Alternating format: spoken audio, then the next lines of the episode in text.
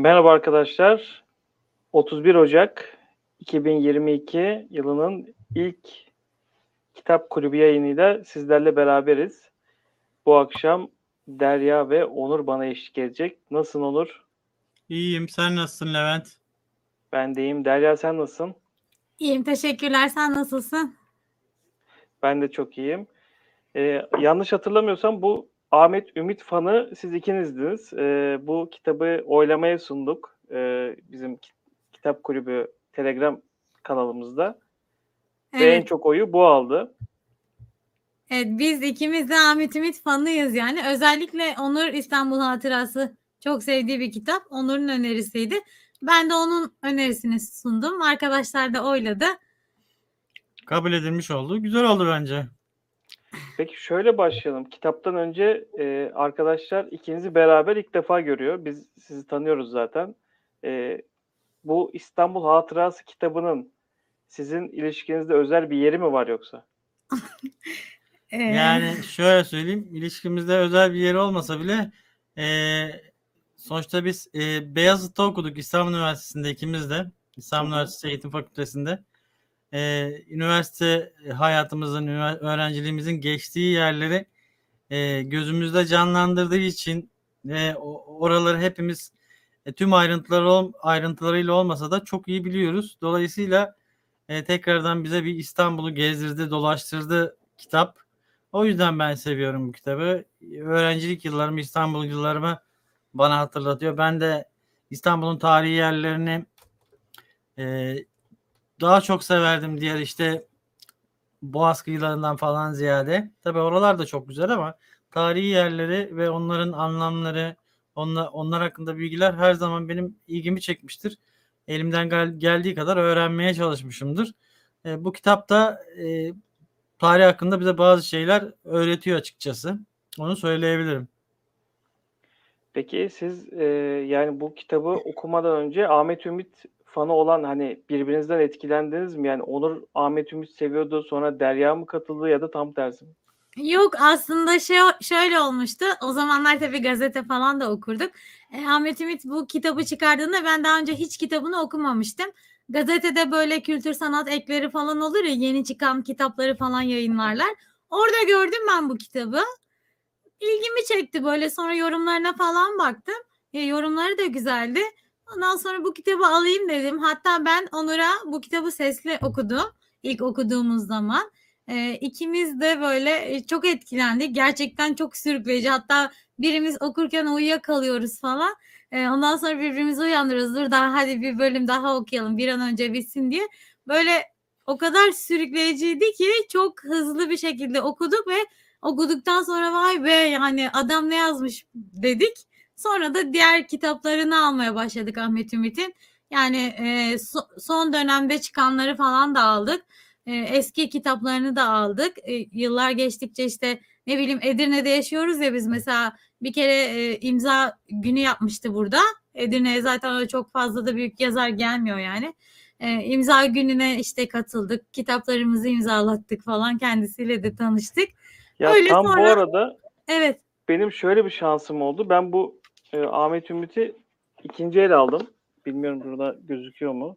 Evet. İki- İkinci el aldım ama kitap imzalı geldi. Yani ben imzalatmadım ama şans işte e, dolap uygulamasından ikinci el kitabı satın aldım. İmzalı kitabı gelmiş oldu Ahmet Ümit'in. Güzel olmuş. Yani bir de isimsiz imzalanmış. O yüzden de senin için iyi olmuş. Bizimkilerde isim yazıyor. Yani biz adımızı söyleyerek imzalattırmıştık. Ee, hani kendisi de böyle çok şeker bir insan zaten. Hani hayatını falan bile araştırdık biz yani işte Ga- Gaziantep'li ol- olması falan yani birçok şey. Ee, hoşumuza yani kalemini beğendiğimiz bir yazar açıkçası. Ee, diğer kitaplarını da sevdik ama mesela e, Onur'un favorisi İstanbul Hatırası'ydı. Ee, benim favorim Kukla kitabı mesela. Bu şekilde farklı kitapları içinde favorilerimiz bile var yani. Yani ben bu kitabı okumadan önce hiç Ahmet Ümit'i ok- okumamıştım açıkçası. Ee, yani bu kadar da sürükleyici olacağını bu kitabın düşünmüyordum. Çünkü baktığınız zaman biraz kalın bir kitap. Hani bu kitabı Evet. okurken acaba insan sıkılır mı falan dedim ama kitaba başlayınca bir de İstanbul'da ben yaşıyorum. Doğma büyüme İstanbulluyum. Yani gerçekten hem e, Onur'un söylediği gibi tarihi yarımada o eski İstanbul'u anlatan noktalar işte biz çocukken gidiyorduk müzelere işte Sultanahmet'e Ayasofya'ya. E, o yılları da biraz böyle e, bizi döndürdü diyebilirim. Hı hı. İstiyorsanız yavaş yavaş kitapla kitabın e, konusuyla ilgili başlangıcı yapın siz. E, Sen başla istersen. Yapalım. Yani ilk aslında o kitap elimizde değil bizim şu an denizde kaldı kitap. Arkasındaki yazıyı da okumak istiyordum. Onu sen okur musun? Ondan sonra ben başlayayım. Tabii. E, baştan itibaren mi okuyayım yoksa şu şehre bakıyorduk denizden kısmından mı başlayayım? Şehre bakıyorduk denizden olabilir evet. Şehre bakıyorduk denizden. Sisler içindeydi İstanbul. Sisler içinde deniz. Sisler içinde teknemiz. Sultanahmet'in minareleriydi görülen Ayasofya'nın kubbesi, Topkapı Sarayı'nın kuleleri hiç yağmalanmamış, yıkılmamış, kirti- kirletilmemiş gibiydi şehir. Bembeyaz bir sisle örtmüştü doğa. Ne varsa görüntüyü çirkinleştiren, güneş doğmadan bir anlığına beliren bir hayal gibi. Büyülü bir bulut gibi, bir masal imgesi gibi, yeni kurulmuş bir kent, taze bir başlangıç gibi. Genç, umutlu, güzel. diye devam ediyor. Evet yani burada e, kente bakış yani zaten böyle bir şeyi bile arkasını okuduğunuzda bile o şeyi gözünüzde canlandırabiliyorsunuz. Betimlemeleri falan çok güzel zaten Ahmet Ümit'in.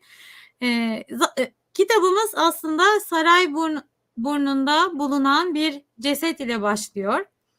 E, kim bu işte cesedi bulanlar? Ekip var. Başkomiser Nevzat zaten ekibin başı olan bir başkomiser olan bir polis. Cinayet büronun başkomiseri. E, iki elemanı var e, çok güvendiği. Onlar da komiser Ali ve komiser Zeynep.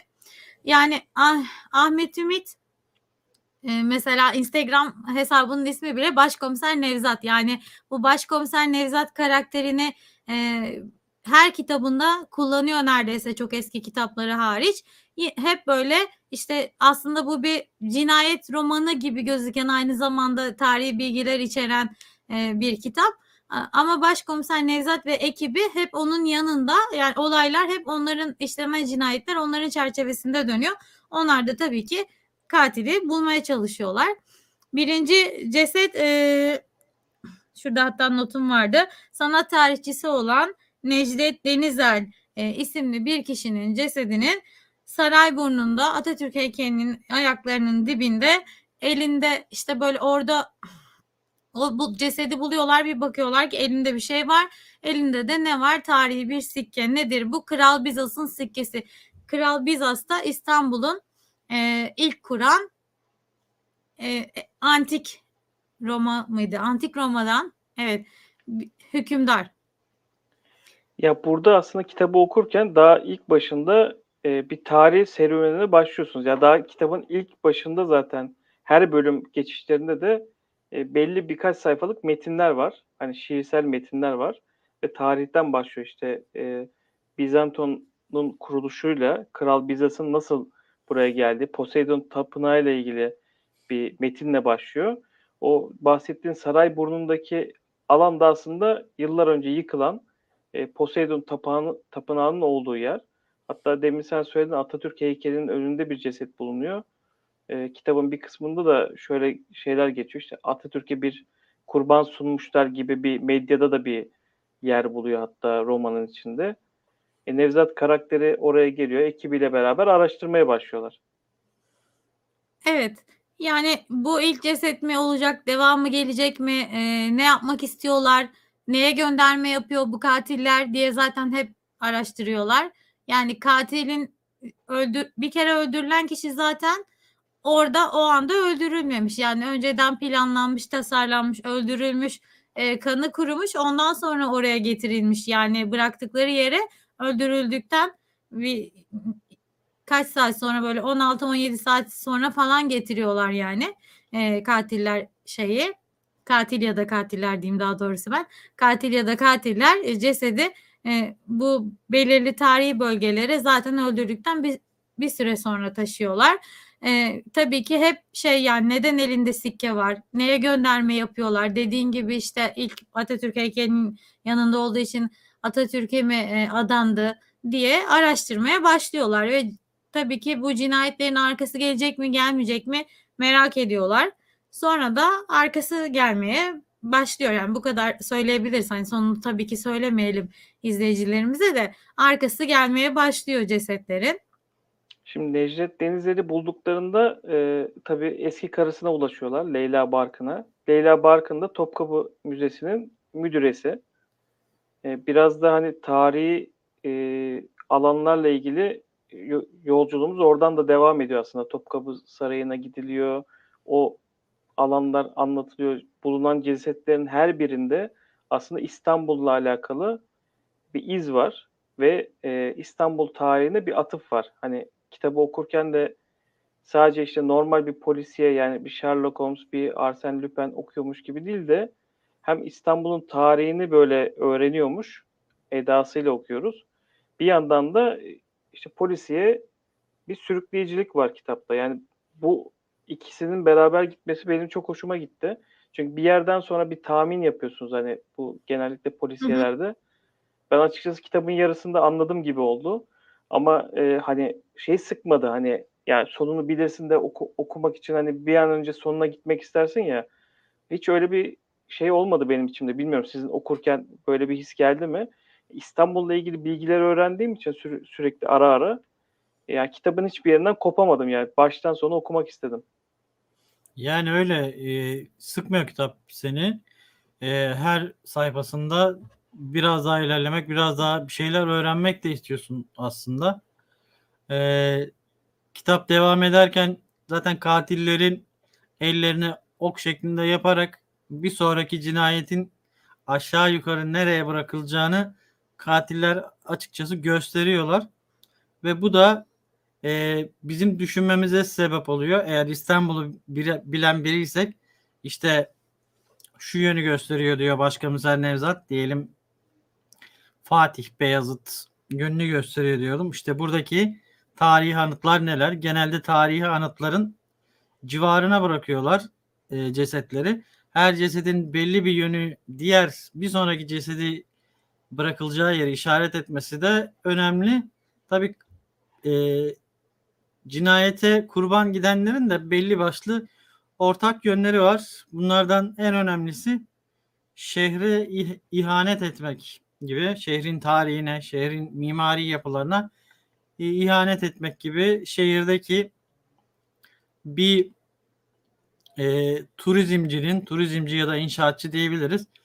E, bu sit alanlarındaki, tarihi yarımadadaki yapmak istedikleri inşaatlar için ona yardımcı olan, yardım etmeye çalışan tipler çeşitli görevlerde bulunuyorlar. Hepsi aynı işi yapmıyor. Bir, bir, bir- biri belediyede çalışıyor, biri gazeteci, biri işte tarihçi, Avukat.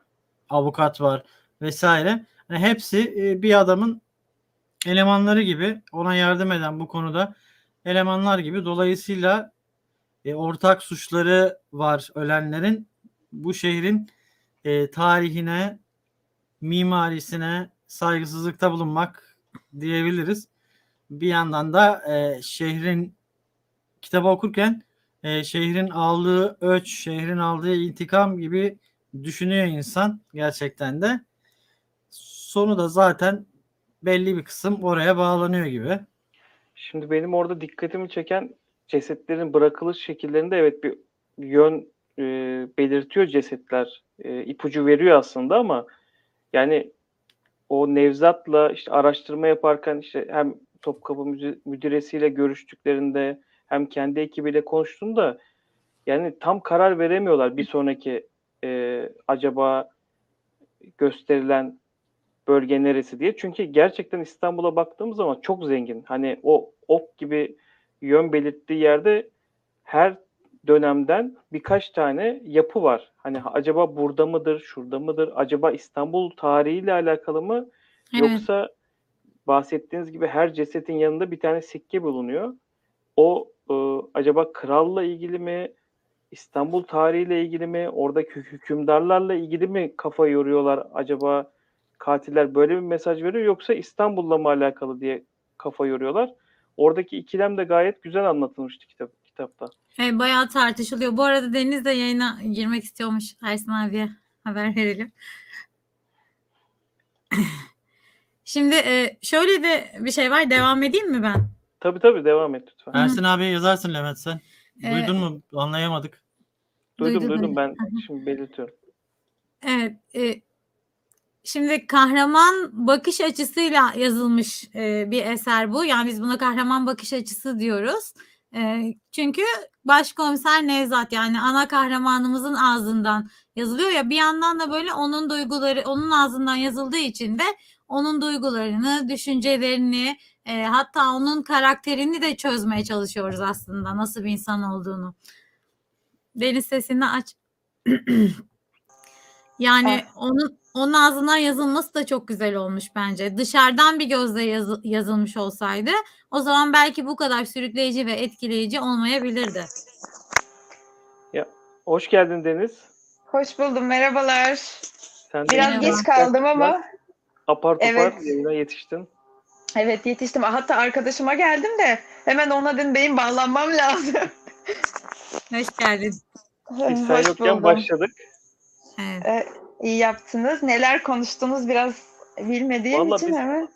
kitaba giriş ya- yaptık. Yani bir cinayetlerden, e, konulardan başladık biraz. Tam Derya burada şunu diyordu. Nevzat'ın e, hayatını çok fazla anlatıyor kitap diyordu. Nevzat'ın gözünden, kahramanın gözünden anlatıyor diyordu. Sen de kitabı okurken ya ben şahsen Nevzat'ı tamamen tanıdım. Eski ilişkilerini, arkadaşlıklarını, dostluklar, aşklarını. Sen de bu bakış açısından neler gördün kitapta? Yani evet as, e, ben de Nevzat'ı tam anlamıyla anladım. Dediğin gibi abi.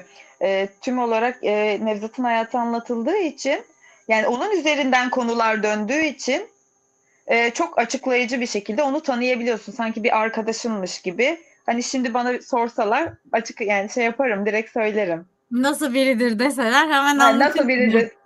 Tabii tabii nasıl biridir deseler hemen anlatırım yani. Ya da e, geçmişinde neler oldu, neler yaşadın hepsini söyleyebilirim. Peki Deniz sen İstanbul'da yaşama fırsatın oldu mu? Hani bu anlatılan tarihi yerler, tarihi yarımada bu büyük yapılarla ilgili sende neler canlandırdı kitap? Yani şimdi ben e, çok küçükken ablamlar orada okurken İstanbul'a gittiğimde her seferinde görüyordum. Ya ben ta- benim ben tarihi seviyorum. Yani böyle meraklı merak ediyorum aslında. İşte zamanda neler yaşanmış diye. Çok da aşırı bildiğim yoktu. Bazı yerleri bilmiyordum. Onları hep böyle kitabı okurken şey yapıyorum. Giriyorum. Bu neymiş? Araştırıyorum. Yani bil- tabii ki işte Çemberli Taş, işte Süleymaniye, e, bunları Sultanahmet falan hani bunları falan biliyorsun ama bilmediğim bazı şeyler vardı. Onları hep oradan bakıyordum yani internetten araştırıyordum neymiş diye. Hatta tek tek şeyleri de araştırdım ben. E, bütün işte e, nasıl diyeyim bırakıl işte Theodo- Theodosius muydu? İşte ona bırakılmış. Bir işte bir onların hayatlarını da araştırdım, baktım oku- okurken kitabı. Ha, hükümdarları da merak ettim. Tabii tabii. zamanda. Hükümdarları, tüm hükümdarları da merak edip onları da araştırdım. Zaten Ahmet Ümit'in kendi YouTube kanalında da bir video izlemiştim. Bu kitapla ilgili bir video çekmiş. Orada zaten bu kitabı yazmaya başlamadan önce oturup e, ciddi anlamda İstanbul tarihini araştırıyor. İlk başta nereden başlayacağını bulabilmek için bütün hükümdarları araştırıyor. Hani ilk baştaki karakter aslında kurucusu olduğu için İstanbul'un e, başlamak kolay ama ikinci adımı nerede atacağını e, daha çok düşünüyor. İkinci karakter ne olmalı? nasıl başlamalıyız? Ve kitabı o cinayetlerle beraber e, sürük, sürüklediğimiz zaman aslında tarihi başından böyle işte Osmanlı'ya kadar geliyoruz. Hatta Cumhuriyet tarihine kadar geliyoruz. Hani o aşamaları bize Ahmet Ümit kitabında çok güzel anlatmış gibi geliyor. Sizler de böyle mi düşünüyorsunuz? yani bu kitabı yaz- yazmak zaten şöyle olmuştur diye düşünüyorum. Normal sadece bir cinayet romanı olsa belki e, geçmişte işlenen cinayeti falan araştırır ya- yazar. Ondan sonra kendince bir şeyler ekler çıkarır falan belki yaşanmış olaylara. Mesela işte eskiden Kanıt dizisi vardı. Kanıt dizisinde yaşanmış e, cinayetleri e, şey yapıyorlardı.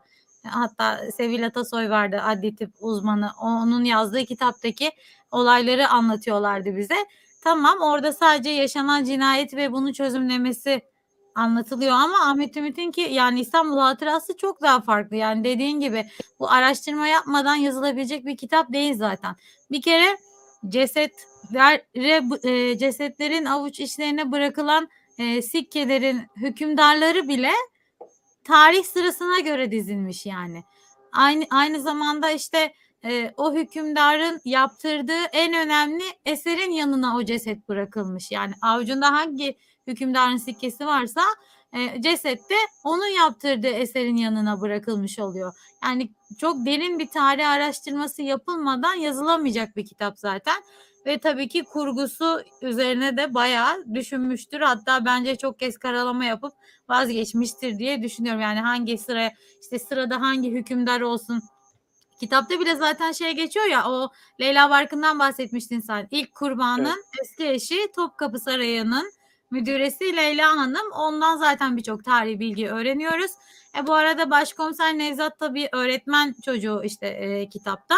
E, hatta Tarih tarih, öğretmeni. öğretmeni annesi. Tarih öğretmeni. Ondan dolayı da kendisi de tarihe ilgili bir başkomiser. Ee, oradan zaten annesinden dolayı bir bilgisi var. Bir de tabii bilmediği şeyleri de hep Leyla Hanım'a danışıyor. Leyla Hanım anlattıkça biz de öğreniyoruz. Onlar da konuşuyorlar falan. O şekilde geçiyor. Yani diyalog üzerinden öğreniyoruz aslında birçok şeyi. Ee, şey yani Leyla Hanım orada işte bizi tarihi hem Başkomiser Nevzat'ın kendi bilgisi var hem de Leyla Hanım sayesinde birçok şey öğreniyoruz. E, Leyla Hanım'ın zaten orada bilgili e, bu işte uzman bir kişi olarak gösteriyorlar. E, bunu yazabilen adamın da aynı şekilde bilgili e, bu işte uzman hatta birçok uzmandan yardım ve destek almış olduğunu düşünüyorum. Yani Ahmet Ümit'in de hem kendi araştırması hem de bu şekilde uzmanlarla e, işbirliği içinde ilerlediğini biliyorum ben de. Tarih konusunda uzman kişilerle ilerleyerek romanı yazdığını biliyorum. Peki arkadaşlar Yani kitabı okurken e, pardon Deniz e, araya girdim. Ay, Kitabı okurken yok, yok. hiç şunu fark ettiniz mi? Yani bu tarihi şeylerden bahsederken ve cinayetlerden bahsederken aslında günümüze de göndermeler var. Kitapta çok ciddi anlamda. Yani o şehrin yapısının bozulması olsun, işte iş adamının e, bazı şeyleri örtbas edişi olsun. Bunun dışında işte Atatürk e, tepkisi medyada ya da e, bir kişinin o ekibinden Ali'nin e, kapalı bir insana e, karşı beslediği ön yargı olsun. Aslında Ahmet Ümit bunlardan da e, kitabı bize anlatırken, cinayetleri anlatırken bunlardan da biraz bahsederek günümüze göndermeler yapıyor. Bilmiyorum siz ne düşünüyorsunuz?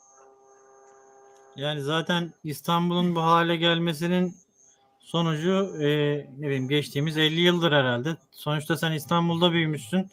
İstanbul'un bomboş hallerini bizden biz anca resimlerde gördük. Sen canlı canlı tanık olmuşsundur büyük ihtimalle. Gerçi, yaş olarak gerçi evet. yaş olarak Hani senin, ailen tanık senin olmuş. baban ya da deden daha iyi tanık olmuştur ama ya, sen de bir kısmını yakalamışsındır. En azından Levent'in bulunduğu tepenin bomboş olduğunu falan hatırlıyorsundur. Ya arkadaşlar ben size şöyle söyleyeyim. Ee, ben e, küçükken Erenköy tarafında oturuyorduk ve eski konaklar vardı böyle hep ahşap yapılar vardı. Yani biz işte boş arsalar vardı her yerde ki Erenköy'den bahsediyorum. Şu an hani Beylikdüzü'ne gitseniz belki boş arsa bulamıyorsunuz. Ee, Yok. o tahtalı konaklara biz içine girip böyle birbirimizi korkuturduk. İşte burada peri var, burada işte ruhu var, ruhlar var. İşte burada eski hani o Osmanlı zamanındaki filmleri gö- gö- kendi aramızda konuşup birbirimizi korkutuyorduk. Şimdi e, o yapıların hiçbiri kalmadı maalesef. Yani hepsinin ye- yerine işte 8-10 katlı betonarme yapılar oldu. O silüeti aslında tamamen e, silmiş olduk. Yani özellikle e, tarihi yarımada Sultanahmet ve civarında bu tarz işleri hadi oranın çok tarihi bir özelliği yok belki. Ama Sultanahmet'te bu tarz işlerin yapılması geçmişte muhakkak yapılmıştır. Bugün de eminim ki yapılmaya çalışıyor çalışılıyordur veya yapılıyordur. Yani hala e, zaten bundan birkaç sene önce de yine Zeytinburnu taraflarına yapılan bir otel gibi bir şeyin şehriyetin şehrin süliyetini bozduğu gibi bir şey konuşulmuştu hatırladığım kadarıyla. Yani hala aynı kafayla e, işte İstanbul'un toprağı altın mantığıyla e, gittiğimiz için İstanbul'daki işte zenginler, zengin iş adamları dolayısıyla e, şehir tarihsel yönden e, büyük zarar görüyor. Hatta ben şöyle bir bilgi biliyorum. E, bu devlet eliyle de yapılmış zamanında. Sultanahmet'te İbrahim Paşa Sarayı var. Şu anda Türk İslam Eserleri Müzesi zannediyorum. Kitapta da geçiyor. Bunun e, bu sarayın yarısı İstanbul Sultanahmet Adliyesi yapılırken devlet eliyle yıkılmış yani. Kendi kendine yıkılma da değil yani. Dolayısıyla hani tarihe ne kadar sahip çıktığımız, çıkabildiğimiz e, tarihi eserlere ne kadar sahip çıktığımız tartışılır. Bu kitapta zaten ana tema olarak bence ondan bahsediyor. Tabii ki e, cinayetlerin bambaşka sebepleri de var bunlar dışında. Ama aslında ana tema bu. Bir de e, nasıl söyleyeyim e, Leyla Bakır'ın Topkapı Müzesi e, müdürünün e, şeyde yer alması, romanda yer alması da tarihi bilgiler açısından daha fazla e, ayrıntı vermesine sebep olmuş. Bu bilgileri e, Nevzat anlatsaydı çok da inandırıcı olmazdı. Çoğu yerde e, müze müdürü anlatıyor zaten bu tarihi bilgileri, sikkelerle ilgili bilgileri veya işte Ne- Nevzat, e, Nevzat'ın yardımcısı Zeynep araştırıyor internetten veya kitaplardan sikkeler hakkında bilgiler. E, bu şekilde yani ben kitabı beğendiğimi çok beğendiğimi söyleyebilirim. İstanbul'a İstanbul'u bana tekrar yaşattı. Tekrar o tarihi yerlere götürdü. E, o yüzden kitabı sevdiğimi söyleyebilirim. Peki Deniz'e dönmek istiyorum. Deniz sen e, çok küçükken bu tarihi yerler işte Ayasofya, Yerebatan, Sarnıcı, Sultanahmet o, o bölgeleri gezebildin mi? Yani orada e, kitabı okurken o çocukluk yıllarına döndün mü hiç? E, Evet, e, döndüm. Hatta şöyle ben e, birkaç ay önce de Ayasofya'ya gittim. Böyle şey olmuştu, bir kurs vardı. Kurs için gitmiştik. Gitmişken biz sadece bir, bir saatlik bir yer vardı. Böyle bir çemberli taşa Ayasofya'ya böyle gittik. Sonra kitabı okurken sanki o gün girdiğim gibiydi. Gerçi şimdi cami oldu orası. Şey benim için hala müze gibi. Or, kitapta da hala müze haliyle. Gittiğimde çok kalabalıktı. Ee, çok fazla ayrıntılı da gezemedim ama küçüklük küçükken gittiğim o şeyleri ye- yerleri tekrar canlandırdım kafamda ve gerçekten e, bir gezi İstanbul'a bir gezinti yapmış gibiydim. Ee, ben de kitabı çok beğendim. Yani tekrar tekrar okurum. Zaten üniversitedeyken yine okumuştum. Bir aradan bir 6 yıl geçince tekrar okumuş oldum. Ya, Yani evet, zaten- Gayet evet şey gibi yani hani ya işte 3 yıl sonra yeniden kitaplığınızda duruyorsa hala 3 yıl sonra ya böyle bir kitap vardı hani okumuştum çok etkilenmiştim dur bir okuyayım deyip tekrar okuduğunuzda ki bizim 3 yıl da değil çok uzun zaman oluyor ilk okuduğumuzun üzerinden çok uzun zaman geçti Ee, şey hani tekrar ama okurken hiç de sıkılmadık yani son, biliyoruz aslında katilleri de biliyoruz hani e, nere cesetlerin nereye bırakılacağını da hayal meyal hatırlıyoruz yani. Ama yine de tekrar okurken hiç sıkılmadık. Hat bir de şey yaş grubu mesela hitap ettiği yaş grubu da yani e, Deniz çok eskiden okuduğunda sonuçta daha o zaman gençti. Hatta sen bilmiyorum liseye gidiyorken falan okumuş bile olabilirsin. Üniversite okuduğunda. başın e, bilmiyorum ama üniversitedeyken falan okudum sanırım öyle hatırlıyorum ama yine Farklı de yaş daha gruplarına da farklı yaş Evet, gruplarına farklı- da hitap ediyor bence. Ben mesela benim okumayı seven bir öğrencim var 8. sınıfta. E, ona vermiştim bir iki ay kadar önce. O da böyle şey çok hızlı okudum falan dedi. 5 günde bana kitabı geri getirdi. Ve hatta "Aa, hiç sonunu böyle beklemiyordum öğretmenim falan dedi kız yani. Hani o 8. sınıf öğrencisi bir kız da çok beğeniyor. Ne bileyim işte 50 yaşında biri de çok beğeniyor ve birçok e, farklı yaş grubuna hitap eden e, bir kitap olduğunu da düşünüyorum aynı zamanda. Ya zaten kitabı dediğiniz gibi yani normalde bir polisiye romanı sonunu bildiğin zaman çok fazla tekrar okuma gereği duymazsın ya da okumak istemezsin ama işte bu kitabın özelliği İstanbul'u anlattığı için ve tarih bilgisi alıyorsunuz. Yani kitabı okurken ciddi anlamda işte ne, ne zaman ne kurulmuş işte Osmanlı dönemine geldiği zaman en iyi e, mimar kimmiş? O kitapta yine Mimar Sinan'dan da çok ciddi anlatım var. Yani yazar İstanbul'u anlatırken e, Fatih'i de unutmamış, Kanuni'yi de unutmamış, Mimar Sinan'ı da unutmamış, dönmüş Bizans'ı unutmamış, eski Roma yani her şeyi burada e, karıştırıp bize vermeyi başarmış. Bu arada 7 tane cinayet var. E, burada hani Evet. İstanbul'da bir Yeditepe. Hani Evet. e, bu buraya da bir gönderme var. Hani ben bunu da not almışım. Evet Size- Yeditepe. Aslında dikkat 7 etmez sayısına gönderme var Levent. Yani 7 tane cinayet, 7 tane e, ayrı yer. Gerçi sonuncusunda başa dönüyor ama Yeditepe yani 7 sayısına özel bir vurgu yapılmış romanda. Ya O aslında başa onu dönmesinde bir şeyi vardı. Ee, tekrar başladığı yere dönmenin de bir şeyini Evet, onu anlatmıştı kitabın sonunda ama söylüyordu ama şu an hatırlayamadım. şu ben. an hatırlayamadım ben de. Aslında Hani- Onur on, şey Onur'un dediği gibi 7 sayısına gönderme var ama hani e, şey de söylüyor onu işte kitaptaki komiser Ali de söylüyor yani Yeditepe her biri ayrı bir tepeye mi bırakılıyor diyor ama ondan sonra onlar ona işte bakıyorlar diyor söylüyorlar işte şu tepe bu tepe yani ben o kadar iyi bilmiyorum şu anda unuttum zaten. E, her e, aslında bir tepede mesela üç tane ceset var Üç falan vardı. diyor hani her tepeye bir ceset bırakılmıyor ama dediğin dediğiniz gibi yedi tepe oluşuna bir vurgu var. Yani en azından kitapta onu bile anlatıyor. Evet tam şu an aklımda kalmadı ama e, hani belki birilerinin aklında kalmış olabilir yani okuyan birilerinin yedi tane tepe olduğu ve bu tepelerin nereli ol, nereler olduğunu bu, bu bile anlatılıyor yani her detay e, ayrıntılı bir şekilde bize anlatılıyor aslında. O yüzden de sayfa sayısı uzun zaten. E, Zaten Bu arada tepelerin hepsi tarihi yarımadada yani. Surların dışına çıkmıyor. Surlara Evet. kadar. Yani benim bildiğim birisi Topkapı Sarayı civarı herhalde. Birisi Beyazıt civarı. Çemberli. Ayasofya. Hı hı. Ayasofya o bir tepenin içinde kalıyor da. Sarayburnu Topkapı ayrı iki tepe sayılıyor. Yani benim hatırlayabildiğim bu kadar. Çemberli taş ayrı galiba. Evet. Ee, bunun dışında bu kitapta arkadaşlar 20'ye yakın dile çevrilmiş. Yani bununla ilgili de bir bilgi not al- almışım.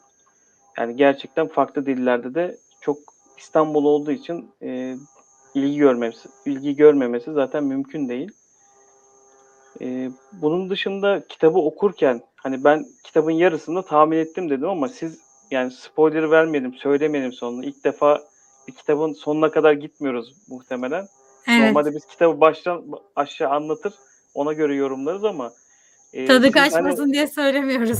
evet ya bu Ben olsam baştan kitap baştan olunca- ben girseydim e, sen girseydin bütün hepsini söylerdim. kesin söylemişti.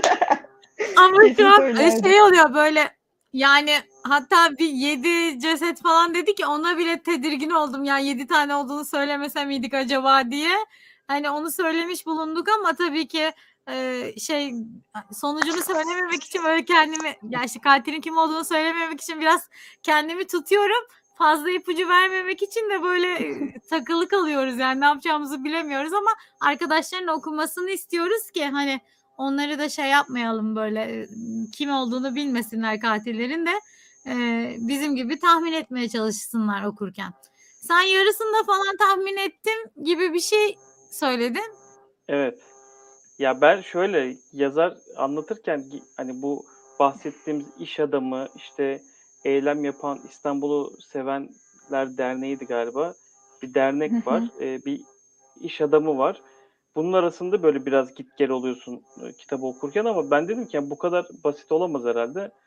E, o arada işte bir e, hani söylemeyeyim şimdi ama bir olay oluyor ve o yaralanmadan sonra e, dedim ki aa bir dakika ya bu bambaşka bir yere gidiyor galiba dedim. E, ve orada tahmin etmiş bulundum. Hani sizler de sonunda mı şaşırıp e, buldunuz yoksa daha önceden de siz de fark ettiniz mi bazı şeyleri? Biz ilk okuduğumuzda sonuna doğru Evet Şey çok yapmıştık, çok sonuna doğruydu yani. ya gerçekten. Evet çok sonuna Ben- doğru yani ta ki e, müteahhit, inşaatçı Ya gelene kadar yani. Son, ya söyleyemiyoruz da şu anda. Yani hani son cesede diyelim. Son cesede gelene kadar, son cinayete gelene kadar yani biz açıkçası anlamadık. Ama Sen bir bayağı yerde olay olay olduğu oluyor ya olay oluyor ya hani olay oluyor ölenler oluyor öyle bir Evet. yer var ya ben orada bir an böyle bir şüphe duydum ilk okuduğumda ama gerçi o zamanki şeyimde ne kadar duymuş olabilirim onu da bilmiyorum. Bu sefer bildiğim için de e, aslında Levent abim dediğini şey yapıyorum. Orada aslında belli ediyor. Bir çıtırdan böyle bir şey var yani. Hafiften öyle bir Ya- belli etme var. İşte şimdi biz ilk bizim ilk okuyuşumuz çok eskiye dayandığı için yani 2011 galiba öyle olması Aynen, lazım. evet. Zaten Evet, 10 yılında 2011'de 2010 falan biz yılında mıydı? okuduğumuz Için. 2010 Ay, yılında yazılmış. Ha, işte Değil yani 10 ben yılında. zaten dedim ya gazetede görüp almıştım diye yani 2010'un sonu ya da 2011'in başında falan okumuşuzdur Biz biz. ilk bu arada bu kitabı değil de Sultan'ı Öldürmek kitabını okumuştuk. Yok ilk Hı. bunu Evet. okuduk. Hayır ilk bunu okuduk eminim. İlk, ilk onu mu okuduk? Hayır ilk bunu Bu okuduk. arada Levent Sultan'ı Öldürmek de iyi de yani okursan Ee, Ben. E, grupta yazmıştım. E, bu iki kitabı yani İstanbul Hatırası'nı almak isterken satıcının bir kitabı daha vardı Ahmet Ümit. Ben Sultan'ı Öldürmek kitabıyla beraber satın aldım. Ha, E, güzel. daha ona başlamadım ama o da güzel benim ama bunun kadar sürükleyici değil tabii. Evet ben aynı tadı vermiyor diye ya, hani şey yapmıştım. Hani İstanbul Hatırası'nın o da çok güzel ama hakikaten bundaki şey olay örgüsü sanki bunda daha iyi gibi yani. Sultan'ı Öldürmek'te de yine aşağı yukarı aynı tarzda tarihi bilgiler var. Onu peki söyleyebilirim. Nevzat karakteri Sultan'ı Öl- Öldürmek kitabında da var mı? Var evet. Var. Yani işte ben Hepsinde var. benim favorim dediğim işte Diğerinde kuklada de da var. Yani hep Başkomiser Nevzat, Zeynep, Ali ve Başkomiser Nevzat'ın e, ha- arkadaşı diyeyim Evgenya Hanım. Bunlar hep var kitaplarda. Ee, şey benim favorim başka bir kitap. Tamam ben tam Beyoğlu okumaya Rapsodisi. Galiba biz şu an kitabın sonunu söyleyemediğimiz için kitapla Evet. ilgili aktarabileceğiniz, ekleyeceğiniz bir şey yoksa Ahmet Ümit'in siz bayağı fanısınız, bayağı kitabını okumuşsunuz. Evet. E, sizce yani üçünüzün de favori kitaplarını da alalım. Arkadaşlara da belki bir tavsiye niteliğinde olur. Benim Beyoğlu Rapsodisi. Yine polisiye mi o da? Evet o da öyle. Ama o da Beyoğlu'nda o, ben de o dönemde okumuştum yine o kitabı da. Şimdi tekrar okuyabilirim. O zaman ablam hatta bana sorduğunda ilk bana sorduğunda İstanbul Hatırası mı Beyoğlu, Beyoğlu Rapsodisi mi dediğinde ben ablama Beyoğlu Rapsodisi demiştim. Ama şimdi bunu okuduğumda sanki buymuş gibi bir şey var yani. Ya Dediğim gibi aradan çok yıl geçmiş. Ben o zaman kaç yaşındaymışım. Hani onun da belki etkisi var. Daha böyle ergen kafasıyla şey yaptığım için o dönemde. Yani o da çok o da çok güzel tabii. Beyoğlu Rapsodisi Evet. de çok O, güzel o ama da çok güzel. Ya mesela ben şimdi şöyle bir hatta internetten de baktım böyle 21 kitap set halinde falan da satıyorlar Ahmet Ümit'in kitaplarını.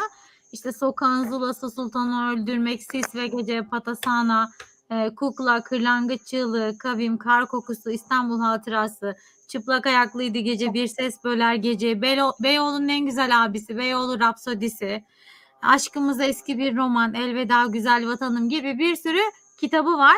Mesela eee, en son çıkan aşk hangisiydi? İstan Aşkımız Kayıp- eski bir roman mıydı? Kar Hayır hayır yeni Yok yok. Kayıp Yeni çıktı bir tane daha. mi? Kayıp Öyle Tanrılar kitap. Ülkesi. Ha, Kayıp Şimdi çok Tanrılar yeni. Ülkesi çıkmıştı. Tamam. Ee, onun öncesinde mesela işte Aşkımız eski bir roman da var bize. Yani bizde çoğu var ama benim Ben- yine de favorim Kukla. Onur senin favorin ne? Kukla Ya bu İstanbul Hatırası'nı saymazsak Baba Esrar vardı. O da güzeldi. Aa evet bak onu unuttuk. Baba Esrar da güzel. Baba Esrar diye güzel sanki. Yani bu cinayet romanı gibi değil ama daha böyle ne derler? Maneviyata dayanan. Ee, orada Bir- da Mevlana, e, Şems falan e, Evet, Mevlana ilişkisini, Şems Şems ilişki anlatıyor. ilişkisini mi? Ama yine de Evet. tabii bir cinayet var. Yani bu az önce saydığımda da hepsinde bir cinayet var. Hepsi başkomiser Nevzat ve ekibi üzerinden dönüyor. Ba- eee, bir tanesinde Zeynep Baba- Zeynep yoktu herhalde. şey. Ee, Zeynep komiser falan olmadığı oluyor. Ee, yani hatta böyle Sanki işte bir tane de şey vardı. Şiir gibi bir kitap vardı. O hatırlıyor musun? galiba Çok- o. Ya Evet. çok ince Baba, bir Hayır. Daha çok şey Aşk- ya. Bir kadın var onun daha çok psikolojik çözümlemesi gibi cinayet romanından ziyade. şu an Yani hepsini sigortacı bir kadındı yanlış anlamıyorsam. Bir e, sigorta olayını sonlandırmaya giriyordu işte karar vermeye sigorta için. Orada yaşadıkları e, şeyleri anlatıyordu açıkçası. Yani çoğu çoğu diyelim biz o zaman. Çoğunda bir cinayet ve başkomiser Nevzat ve ekibi var. A- e, Ekip şu an hangisi olduğunu hatırlamıyorum ama kitapların birinde sadece başkomiser Nevzat vardı. Zeynep ve Ali e, yani birinin tayini çıkıyordu onlardan birinin öyle bir olay da vardı. Yani şey tabii ki hani sırayla okursanız onların hayatlarını da böyle ya zaten bir kitabı okusanız bile onların hayatları ve kişilikleri hakkında e, bilgi sahibi oluyorsunuz. Zaten söylemiştim işte kahraman bakış açısı yani Nevzat komiserin ağzından yazılıyor diye. Ama diğerleri diğer komiserler de yani Zeynep ve Ali komiser de bunlar da bunların da hayatı ve kişilikleriyle ilgili e, birçok şey çıkartabiliyorsunuz. Mesela bu kitapta aralarında işte birbirinden hoşlanan e, iki insan yani. Merak ediyorsun acaba bunlar ileride evlenecekler mi falan diye bile insan merak ediyor yani.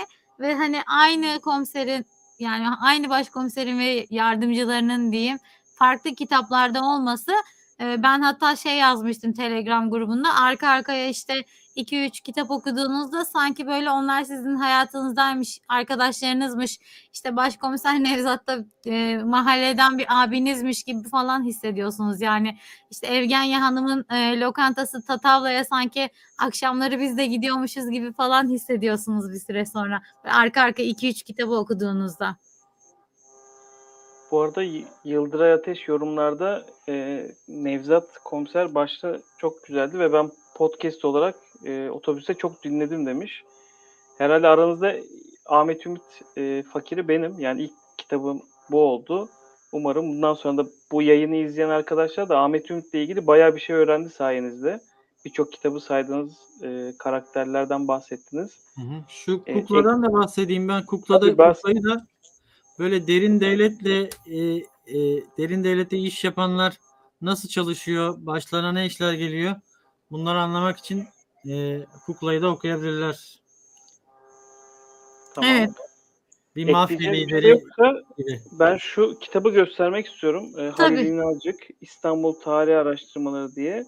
Hı hı. E, bu kitapta da fetih sonrası İstanbul'un hem demografik yapısı hem nüfusu hem işte ya- yapılan yapılarla ilgili biraz kalın da bir kitap. Bayağı e, bilgi bulabiliyorsunuz. Hatta orijinal böyle haritalar var içerisinde Osmanlıca metinler var. Bir Türkçe'ye çevrilmiş bir İngilizce Söylemeden bir şey sorabilir miyim? Mesela e, İstanbul'un işte ilk kralının kral Bizas olduğunu ve ilk adının Bizantiyon olduğunu önceden biliyor muydun? Ben biliyordum. Ha, ama mesela işte hani bilme me- ya ben o okuduğum okuduğum yılda biliyor muydum bilmiyor muydum hatırlamıyorum şu anda ama hani herkes genelde e, kitaptaki şey gibi yani komiser Halil de öyle diyor. Aa, İstanbul'un ilk adı diyor işte Konstantinopolis değil miydi falan diyor. Yani çoğu insan hani Çoğu insan bilmiyor. Doğru. bilmiyordur diye düşünüyorum ben de. Özel tarihe karşı özel bir merakı yoksa. Yani böylece aslında e, bir yandan ona da işte ilk yani ilk kuran hükümdara diyeyim, e, şehri ilk kuran kişiye de vurgu yapılarak ondan sonra böyle günümüze gelmesi falan da bu sıralaması da e, şey ol- oluyor. Kesinlikle bize hani e, işte ne kadar insanın bu şehre emek verdiğini ve bizim onu korumadığımızı ya da işte ne bileyim tarihi eserlere saygı duymadığımızı falan hatırlatıyor. Yani birçok tarihi eserin hatta bunu yani şeyin Ayasofya'nın dışına falan da yapıyorlar. İşte e, bu sprey boyalarla falan yazı yazıldığını görüyoruz. Tarihi çeşmelere, ne bileyim türbelere yani sahip çıkada- çıkamadığımızı görüyoruz açıkçası. Hani bu da üzücü tabii ki. Yani biz tabii hep kitabın güzel güzel yanlarından falan bahsettik de hani tarihi eserlere sahip çıkamamamız da çok üzücü. Bunun kıymetini bilmememiz e, yani insanların bilmiyor olması diyeyim daha doğrusu bilmememiz demeyeyim şimdi kendimi de işin içine katmayayım. İnsanların bunu e, ne olduğunu bilmeden işte e, ne zaman yapılmış, kimler emek vermiş bunu hiç önemsemeden eline bir sprey boya alıp bir grafiti çizince çok önemli bir şey yapıyorlarmış gibi kendilerini hissetmeleri çok kötü açıkçası. Sadece grafiti değil yani birçok yerde e, böyle kalemle, taşla hani ağaçların da gövdelerine oyuyorlar ya. Evet. Birçok tarihi Evet. yerde sadece İstanbul'la ilgili değil. Bugün nereye gezersek gezelim duvarlara işte bu Kapadokya'dan tut her yere gidersen böyle saçma sapan işte kalp yazmışlar işte Levent'te bilmem ne diye e, sevgilisinin sevdiğinin adını kazımış. Yani orada belki milyonlarca yıl yüzlerce yıl geriye dönük tarih var. Ama maalesef bu bilinçte değiliz. E, maalesef devlet yetkilileri de bu bilinçte orayı pek korumuyor. E, hatta ben küçükken hatırlıyorum e, o sur içinin oralara gece konular yapılıyordu. Bir şeyler yapıyor. ya- yapılıyordu, yıkılıyordu. E, hatta bazı yerlere o şu an İstanbul'da yaşadığım için o tarihi surların bile e, gerçek anlamda bir e, yapısını göremiyorsunuz yani. Çok belli başlı noktalarda artık sur yıkıntıları kalmış. Hani biz bunları koruyup e, kollamamız gerekirken maalesef ihanet ettik yani bu şehre. E, bu arada bir sonraki yayının kitabını da arkadaşlara hatırlatalım. Yine biz Evet, Telegram grubunda. E, oylama yaptık ve Jack London'ın Beyaz Dış kitabı e, Şubat ayı kitabı olarak seçildi. Şubat ayı kit- kitabımız Jack London Beyaz Diş. Beyaz. E, yine aynı kadro hatta bu kadronun da daha da genişleyerek e, Şubat ayının sonunda umarım hep beraber bu kitabı konuşuruz. Bu kitap da gerçekten e, klasiklerden bir tanesi. Evet Yıldıray Yıldıray arkadaşımız da benim önerim diye yazmış. Beyaz dişi evet o önermişti bize. Evet, Ee, Yıldıray'ı bir sonraki yayında bekliyoruz bekliyoruz. bir sonraki yayında. Arkadaşlar değerli katılımlarınız için çok teşekkür ederim. Vakit ayırdınız. Bu akşam beni yalnız bırakmadınız. Biz teşekkür Önümüzdeki ay ederiz. abi. Şubat ayı yayında görüşmek üzere. HVP Kitap Grubu'ndan bugünlük bu kadar. İyi akşamlar. İyi akşamlar, akşamlar. görüşürüz. Hoşçakalın. Görüşürüz. Hoşçakalın.